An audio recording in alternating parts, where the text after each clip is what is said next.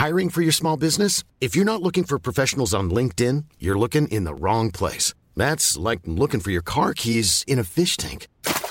LinkedIn helps you hire professionals you can't find anywhere else, even those who aren't actively searching for a new job but might be open to the perfect role. In a given month, over 70% of LinkedIn users don't even visit other leading job sites. So start looking in the right place. With LinkedIn, you can hire professionals like a professional. Post your free job on linkedin.com/people slash people today. De zomer is officieel begonnen. De spelers rusten uit en de clubs maken zich op voor een vers Eredivisie-seizoen. En wel met drie nieuwkomers. Wij als de Eredivisie-podcast kunnen jullie natuurlijk niet het nieuwe seizoen in laten gaan zonder de drie promovendi onder de loep te nemen. Sparta, RKC en FC Twente. Wat voor clubs waren dat ook alweer? Wat is hun historie? Wie waren de clubiconen en wie zijn tegenwoordig de vedetten? Dat allemaal binnen een half uurtje in deze zomerserie van de derde helft genaamd de Promovendi. Klimmetje warm hier aan. Hey, hey, Klim, hey! Ja, het is warm hier aan. Het is snikheet. Sniet, hè, hè. Snikheet. Rustig.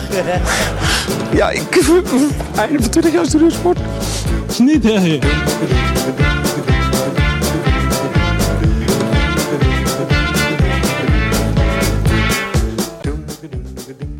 Welkom luisteraars. En wij zitten hier voor de tweede aflevering van onze zomerserie De Promo Vendi. En de vorige keer bespraken wij hoe de Spartanen ervoor staan aan de vooravond van hun terugkeer in de Eredivisie.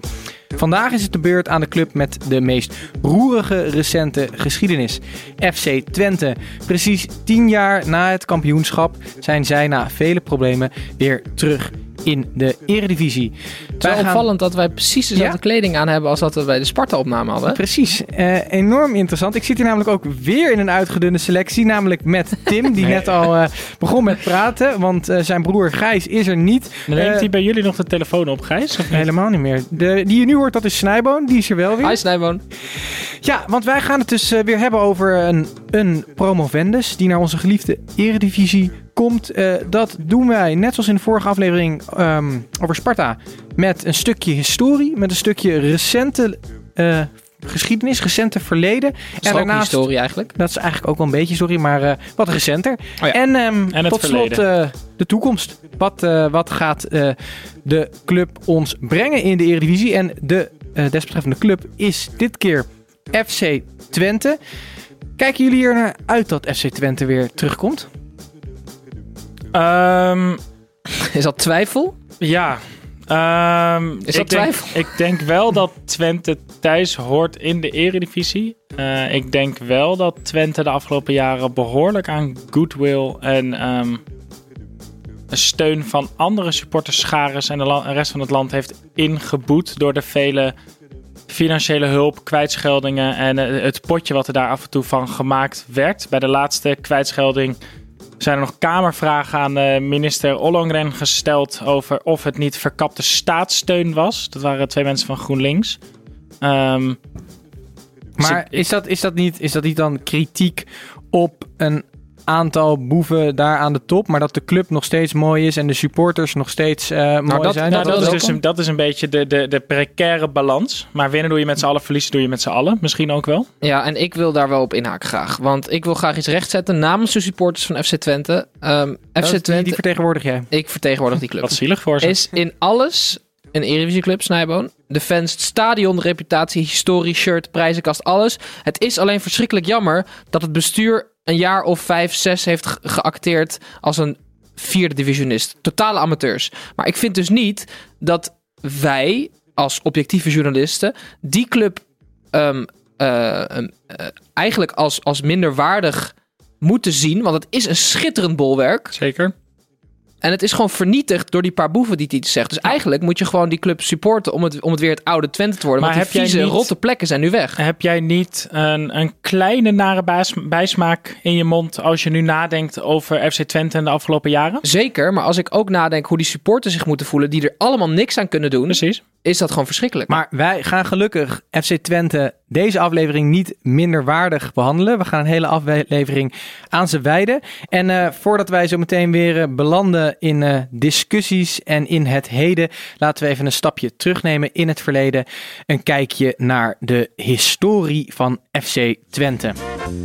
FC Twente, FC Twente, FC Twente, opgericht in tijden van liefde, hippies, het vrije denken en het vrije vrije. Want in 1965, na de fusie van Sportclub Enschede uit de Eredivisie en de Enschedese Boys uit de Eerste Divisie, werd FC Twente geboren. De eerste jaren werd gehandhaafd in de Eredivisie, maar de gouden jaren kwamen begin jaren 70 toen FC Twente constant in de top 5 van de Eredivisie eindigde met meerdere malen een derde en soms zelfs een tweede plaats. Ook in deze tijd gingen de Tukkers voor het eerst Europa in en het waren de jaren waar het karakter van de club gevormd werd. Altijd in het rood, altijd gros en voor altijd FC Twente. Met fanatieke supportersverenigingen als Vak P en De Vriendenkring en beladen wedstrijden tegen toenmalige rivalen als FC Groningen en FC Utrecht was het vaak genieten in Enschede. Maar mannen van de derde helft, vertel mij meer over de historie van deze verse eredivisionist. Dat ga ik doen. Ehm jij had het net mooi over die, die gouden jaren 70. ehm, waarin eh, Twente eigenlijk constant een hoog niveau haalde. En ik wil graag jullie meenemen door eh, in vogelvlucht door het jaar 1974-75. Wat een schitterend jaar was. Nog veel mooier had kunnen zijn. En e- eindigde in een week van malaise. Ik ben benieuwd. Ehm, het is Langer 1974, 1975. Twente ehm, komt in de competitie, dat doen we alvast uit den doeken. Tekort, die worden vierde na de traditionele top 3. Nou, dat is geen ramp. Ehm, in de beker haalt FC Twente de finale. Ja? Maar het echte succes wordt in de UEFA Cup gehaald. Zij, eh, er was nog geen poolfase, het was knock-out eerste ronde tot de finale. Leuk. Er wordt uitgeschakeld in chronologisch volgorde Ipswich. Vervolgens RWD Molenbeek van Jan Boskamp. Zeker. Daarna wordt Dukla Praag uitgeschakeld. Veles Moslar. En in de halve finale het grote Juventus van Dino Zoff en Fabio Capello. Fantastisch. En in de finale wacht een, een, een tweeluik tegen Borussia Mönchengladbach. En dat is het Mönchengladbach van onder andere Bertie Vogt en Jupp Heynckes. Dus en dat is dat zijn ook ongeveer buren. Letterlijk. Want Ja. Twente en Gladbach, dat, er ligt alleen een grens tussen. Precies, en dat is, een, dat is een grote wedstrijd. En dat zou natuurlijk het grootste succes uit de Twentse geschiedenis op dat moment worden. Mhm. De uitwedstrijd wordt gespeeld op 7 mei 1975 en eindigt in 0-0 in Duitsland. Dat is redelijk. Een uit- prima uitgangspositie zou je zeggen. Maar alles kan. Ik neem jullie mee naar het NRC Handelsblad Mhm. van 22 mei 1975. Dat is de dag na de terugwedstrijd. De dag, dus hierin zal duidelijk worden wat de uitslag was. Oké. Ik begin. De Twentenaren zijn veel meer toe aan een lange vakantie om de wonden te likken die hen in de slotfase van dit seizoen werden toegebracht. Want de klappen die Twente in een week tijd kreeg te verduren zijn hard aangekomen. Zeven dagen geleden werden de Enschede'ers, hoewel favoriet op de nationale in de nationale bekerfinale, verslagen door FC Den Haag. Nou, die bekerfinale, die is al pleiten. Mhm. En gisteravond bleef hen niets bespaard in de eindstrijd van de UEFA Cup. Volslagen kansloos werd FC Twente in het eigen Diekmanstadion weggespeeld door Borussia Mönchengladbach. Dat nu een jaar mag pronken met de bokaal waar Feyenoord een seizoen geleden beslag op legde. 1-5. Zo.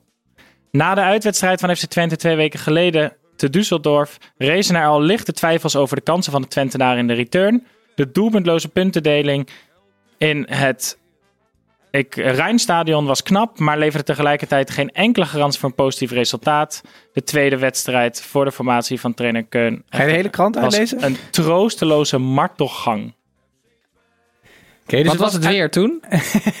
Dat stond op een andere pagina. uiteindelijk Ze een- waren dichtbij zowel Precies. de beker als de UEFA Cup. Mhm. En in één week werden die beide door de neus geboord. Maar eigenlijk ehm, aan de ene kant misschien een, een, een, een, een ploeg dus die eh, eh, het, het einde van de 20e eeuw, eh, de, de, de jaren 70, 80, 90, altijd redelijk meedeed. Mooie uitstapjes heeft gemaakt in Europa.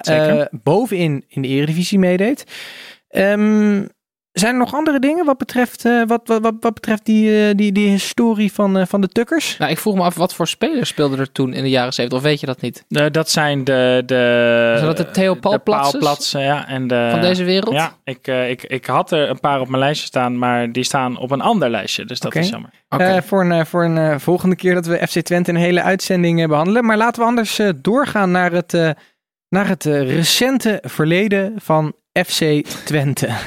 FC Twente, Twente. Historie genoeg. Zeker wanneer je dit aanvult met het rumoerige recente verleden. Want bij FC Twente heeft het pad de afgelopen 10 jaar afslagen genomen naar hoge pieken, maar vooral ook diepe dalen. Van eredivisiekampioen en Champions League deelnemer naar financiële ondergang en degradatie. Wat gebeurde er allemaal in deze roerige periode? Wie gaven de club kleur en wie hielpen de club naar de afgrond? En wie trok ze er weer uit? Mannen van de derde helft, vertel mij meer over het recente verleden van deze verse eredivisionist. Ja, we kunnen dit gaan we heel kort houden, want dit is denk ik het meest uitgemolken onderwerp ehm, van de afgelopen tien jaar. En we hebben het er zelfs in de intro over gehad. maar we Ehm, moeten onze luisteraars even opfrissen. Deze zeker. club die weer terugkomt. Ehm, Joop Munsterman en Aldo van der Laan eh, brachten Twente tot, tot grote hoogtes. Maar op Van grote een club uit financiële nood. Zeker. Afgrond zelfs. Maar op grote hoogtes worden ook luchtkastelen gebouwd. En ehm, er werd ook een, een gigantisch luchtkasteel in Twente opgetrokken. Ik las vandaag nog even wat dingen terug. Ik denk dat de, eh, rond de aankoop van Felipe Gutierrez Mhm. was een goede Chileense middenvelder. Ik denk hoe dat is gelopen. Wat ik daarover teruglas. Die transfersom ehm, konden ze eigenlijk niet ophoesten. En toen werd miraculeus door externe financiers ehm, werd de rest van dat transferbedrag op tafel gelegd. Mhm. En later bleek dat die externe financiers was, dat was een vennootschap ehm, van Cyprus. En die vennootschap was in het bezit van Joop Munsterman en zijn vrienden. Dat is ongeveer de risicovolle ehm, zaken doen wat er werd gedaan. En dat, eh, dat is gewoon compleet geknald. Ehm, wie, zijn hier, wie zijn hier dan de schuldigen? nou ja, eh, Munsterman en, en Van der Laan hebben voor een groot deel schuld. Um, er is toen een, een rapport van een onafhankelijke onderzoeker gekomen. Waar eigenlijk uit bleek dat het hele Old Boys netwerk van Twente er ook uit moest. Later bleek dat in dat Old Boys netwerk dat die jongens daar ook zitten.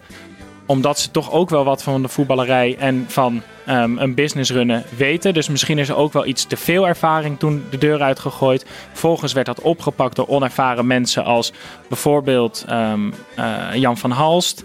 Die ehm, eh, commercieel en technisch directeur werd terwijl Ted van Leeuwen er al zat. Dus eh, het- de eh, gaten werden opgevuld met andere gaten, zeg maar. En het werd een beetje de lammelei te blinden. Ehm, er is nu nog, na de laatste kwijtschelding van de gemeente en van de ABN AMRO... is er nog een schuld van ruim 20 miljoen. Terwijl de begroting ehm, onder, net onder de 20 miljoen is, dacht ik. Maar dat dus is de status dus nu. Dus ze, ze, ze kampen nog steeds met... Ja, maar de schuld is al schuld. 90 miljoen eh, plus geweest. Dus Maar het is, het, is, het is dus eigenlijk eh, heel veel negativiteit rondom het bestuur. Heel veel negativiteit Ja. rondom de financiën. Maar de afgelopen tien jaar, dan, dan dan hebben we toch ook heerlijke spelertjes gevoetbald daar? Nou ja, FC de Twente, top heeft hoog gelegen. FC Twente heeft echt kleur gegeven aan de Eredivisie. Want zij waren... eh, AZ is dan, zou ik dan geen provinciale club noemen. Maar FC Twente was wel de eerste provinciale club... die de traditionele top 3 naar de kroon stak. Hè? En eh, wat jij zegt... ze- Van der Laan en Munsterman hebben die club vanaf niets omhoog getrokken. Ja. Dus fans die waren ongelooflijk fan van die twee. En, en alles was mogelijk. En dat dachten die twee dus ook. Het was een beetje naar de bol gestegen. Want eh, ik heb nog even het kampioenselftal erbij gepakt. En daarvoor waren er al jaren van flinke investeringen. Maar wat een spelers zaten daarin. Wat jij zegt, Titus. Het was fantastisch. Ehm Miroslav Stoch. eh, een- een vleugelflitser.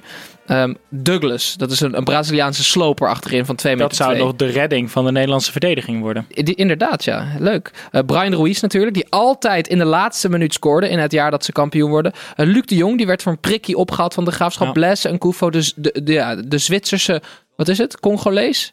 Ja. Canada ja, Zwitsers, ja. Nou, dat was, die heeft inmiddels trouwens een standbeeld. Ehm, maar het middenveld, daar wil ik even graag uw aandacht voor. Want dat is, denk ik, een van de vetste middenvelden van de afgelopen 15, 20 jaar. Absoluut. Theo Jansen, Kenneth Perez, Sheikh Tiote.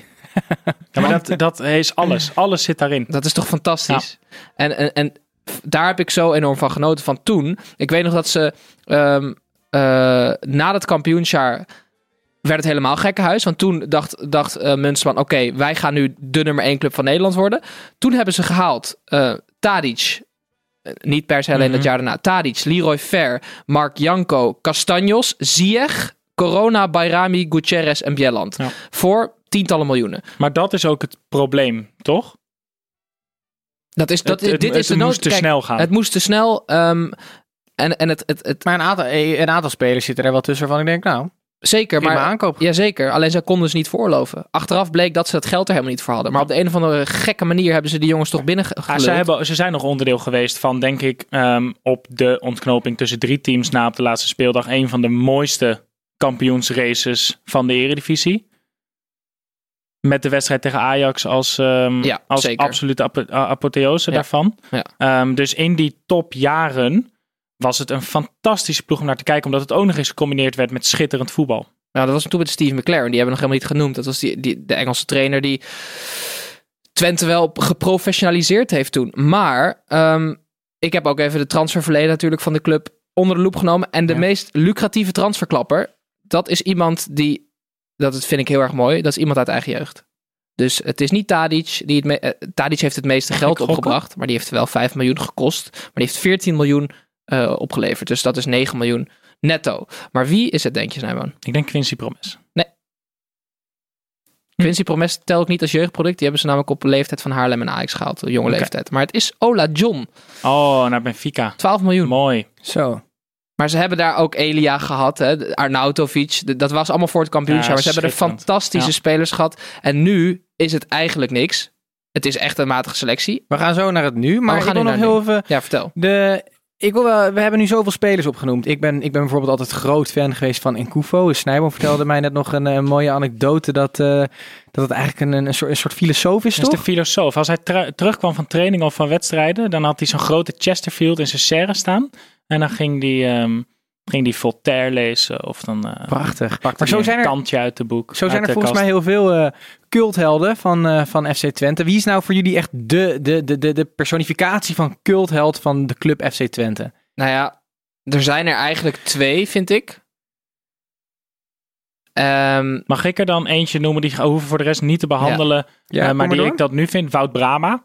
Die Nou, Oh, ja. terugkomt uit Australië en als kapitein promoveert met de club. Is een soort hedendaagse cult, maar ik denk Ja. dat jij wat verder terug nee, gaat. maar dan kunnen we ook Sander Bosker noemen. Dat is de man die, die er natuurlijk altijd zat. Maar ja. ik, kijk, Jeroen Heubach is echt FC Twente. Maar ik vind Patrick Pothuizen, die, die heeft natuurlijk ook bij NEC Ja. gespeeld, maar ook heel lang bij Twente. Dat is voor mij de cultheld. het Nederlands record kaart te pakken. Nederlands record kaart te pakken en immuun voor een kater. Patrick Pothuizen. Letterlijk in een interview. Nou, dat stond in een interview. Hij kan geen kater meer krijgen. Hij stond eh, elke dag in een café, roken, drinken, zijn hele carrière lang. Het was een Theo Jansen, maar dan in het kwadraat. Ja, een soort Ja, Tony Adams. Jans 2.0. Hey jongens, Ja. genoeg, over, eh, genoeg over het verleden, genoeg over het recentere verleden. Eh, ik denk dat het tijd is om, eh, om naar de toekomst te kijken. Dus eh, laten we dat dan ook doen. De toekomst van FC Twente in de Eredivisie. FC Twente, FC Twente, FC Twente is terug in de divisie waar het thuis hoort, de Eredivisie. Althans, zo wordt er over gesproken. Maar is dat ook zo? Is de weg terug op een houdbare manier ingezet? Is het beleid ernaar dat deze club over een aantal jaren weer stevast meedoet in het linkerrijtje? Kunnen zelfs die gloriejaren wederkeren? Of liggen er gevaren op de loer? Zoals bijvoorbeeld trainers die onterecht, dan wel terecht ontslagen worden. Mannen van de derde helft, vertel mij meer over de toekomst van deze eredivisionist. Ja, ik kan ze wel meteen uit de droom helpen dat de oude glorie gaat niet heel snel meer wederkeren. Nee, niet snel. Maar dat moet ook juist absoluut niet het streven zijn. Nee, zeker niet. En, en degene die ehm, Twente er bovenop moet gaan helpen, is denk ik good old Ted van Leeuwen. Zeker. Eh, Ted van Leeuwen heeft, ehm, ik denk, afgelopen seizoen al eh, knap werk verricht. Met eh, de aanwinsten die hij ehm, in, in de huidige situatie heeft gehaald. Mag ik daar iets over zeggen? Ja, Ik vind Ted van Leeuw een van de beste technisch managers in ons land. Ja. Jullie hebben allemaal online soccer manager vroeger gespeeld. Voor mij lijkt het altijd alsof Ted van Leeuwen het wachtwoord heeft van, die scoutingslijst. Zodat hij weet waar die gekke talenten voor goedkope prijs zitten. Ik vind het ongelooflijk wat die man voor netwerk heeft.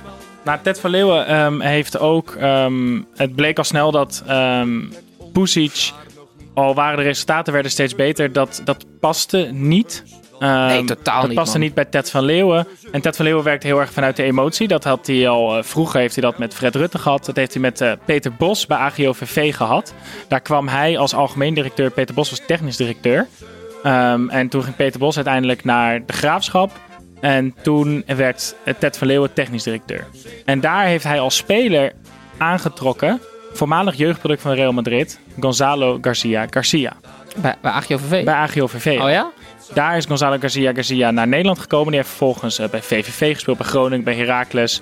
Is nu de hoofdcoach bij FC Twente. Dat vind ik geen verstandige keus. Nou, ik, laat ik het heel even uitleggen. En ik denk dat er. Ik, ik kan er wel begrip voor eh, opbrengen. Grappig is overigens dat twee jaar terug Ted van Leeuwen ehm, een jaar een uitstapje naar Esbjerg heeft gemaakt. Daar was hoofdcoach John Lammers. En het eerste wat hij daar deed, was naast Lammers halen, was Gonzalo Garcia Garcia als assistent van John Lammers naar Denemarken halen. Oké. En Ted van Leeuwen werkt vanuit de emotie en die werkt vanuit de klik. Die heeft mooie successen behaald met en Peter Bos en Fred Rutte, omdat ze op één lijn zaten, omdat ze dezelfde voetbalvisie hadden. En die voetbalvisie deelt hij dus ook met Gonzalo Garcia Garcia. Ja, oké. En zij met z'n tweeën moeten dus nu dat technische en dat sportieve beleid, kunnen dat met z'n tweeën nu uiteen gaan zetten. Ted van Leeuwen heeft zichzelf denk ik al wel redelijk bewezen op dat vlak. Ja, maar moet je dan... Ik denk dat we hem wel mogen vertrouwen als hij dan zegt dat Gonzalo Garcia Garcia dat optimaal kan uitwerken op het veld. Ik twijfel niet per se aan Ted van Leeuwen, het tegendeel is waar. Maar waarom zet je een onervaren Spanjaard voor de groep in Enschede bij een super loodzwaar seizoen? Want ze staan aan de vooravond van een cruciaal seizoen. Ik vind dat gewoon heel... Waarom kies je niet voor een ervaren jongen? Omdat Ted van Leeuwen werkt vanuit die emotie en die ziet dit, die ziet hier die klik, die ziet hier de mogelijkheid om iets moois te creëren. En ik, eh, ik- tot het misgaat, vertrouw ik Ted. Oké, en eh, laten we het dan iets breder trekken dan eh, alleen de, de, de, de trainers. De, de, de nou, inmiddels veel besproken trainerswissel. Ehm, de selectie, eh, dit, dit, dit team, deze club. eh, wordt het een succesverhaal of zijn die zo weer terug? In Als- de keukenkampioen-divisie. Als Ted echt het wachtwoord heeft van, eh, van die FM-database, dan komt het goed. OSM maar zei ik net. er zit wel wat... ehm, ze moeten wel echt creatief gaan scouten de komende jaren. Ja, ik denk, ik denk dat, dat ze het gaan redden dit jaar. Omdat ehm, ik weet zeker... Ja, ik heb zoveel vertrouwen in dat netwerk van die, van die Ted van Leeuwen. Echt waar. Maar die, die, die, die gaan het beter doen dan, dan, laten we zeggen, ofwel een Sparta-RKC ofwel een Fortuna Nou, weet van je- FCM. Weet je wat het, het fijne is aan een club als Twente als je vanuit de keukenkampioen komt? Er komt in één keer een club in de eredivisie met 25.000 plekken in het stadion, snap je? Dus als jij een buitenlandse speler gaat benaderen en je bent, ik noem maar wat, met alle respect hè, de Graafschap of eh, Excelsior en je nodigt een speler uit om eens een kop koffie te komen drinken bij de club, dat schiet niet op. Maar als je in de Golsvesten komt, ik ben er een aantal keer geweest, het is fantastisch. Ja. Het is Engelse sfeer, het is, het is schitterend, het is gras, het is heerlijk. Het enige wat kut is, is de parkeerplek, want je doet er twee uur over om weg te komen.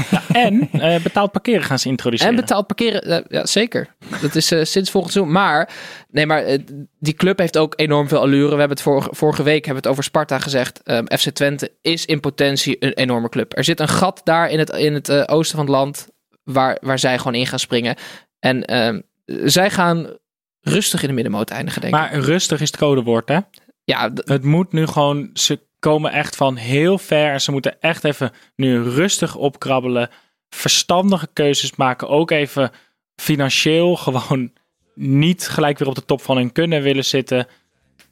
Dat is een lastige balans. ja, ze hebben de grootste fout toen gemaakt, of volgens mij was het onder Munsterman, dat ze de jeugdopleiding hebben opgedoekt, omdat dat zogenaamd te veel geld zou kosten. Dus het ging op een gegeven moment samen met Herakles. Op een gegeven moment hebben ze gezegd, we doen het niet meer, want het kost te veel geld. Ehm, ze hebben het nu weer, zijn ze het langzaam aan het opbouwen. Dus laten we hopen dat de Peet bij is en de Jeroen van der Lely, zeg maar, dat soort jongens. Want ze hebben uiteindelijk het gebied waar ze daar talenten uit moeten halen, is best wel groot. En prima. En Vitesse zit daar ook, maar, maar, maar Twente heeft een mooie reputatie. Dus ik denk, f- gooi het ook een beetje op de jeugd. Oké, hey, eh, vorige aflevering waren we denk ik misschien iets positiever gestemd over het verleden ehm, van Sparta en misschien ook wel de toekomst. Maar laat ik dan, eh, om dat te vergelijken, even dezelfde vraag stellen als tijdens het einde van vorige aflevering. De komende tien jaar, beetje koffiedik kijken, maar de komende tien jaar, ehm, hoeveel seizoenen speelt FC Twente in de eredivisie? 10. Ja, tien? tien. Ben je wel. Ja? Ja. Nou, dat eh, had ik niet verwacht van jullie. Maar oké. Nou, maar eh, eh, wat Tim al zei, Twente is gewoon ehm, in alles niet een eredivisieclub, maar gewoon een middenmotor, dan wel niet eh, bovenkant middenmotor. Zeker. En daar gaan ze ook gewoon weer terugkomen. Dan kunnen wij concluderen dat FC Twente volgens de derde helft terug is in de divisie waar het thuis hoort. Dit is het einde van de tweede aflevering van deze zomerserie De Promovendi. Er rest ons uiteraard nog één promovendus in deze miniserie en dat is de verrassing van de playoffs, RKC Waalwijk. Dit zal waarschijnlijk eindigen in een lofzang van minuten over de nu al voor ons favoriete fanscharen, de Walwijk Fanatics. Gewoon weer volgende week zoals altijd op maandagochtend in je podcast-app. Tot dan! De kampioen zijn. FC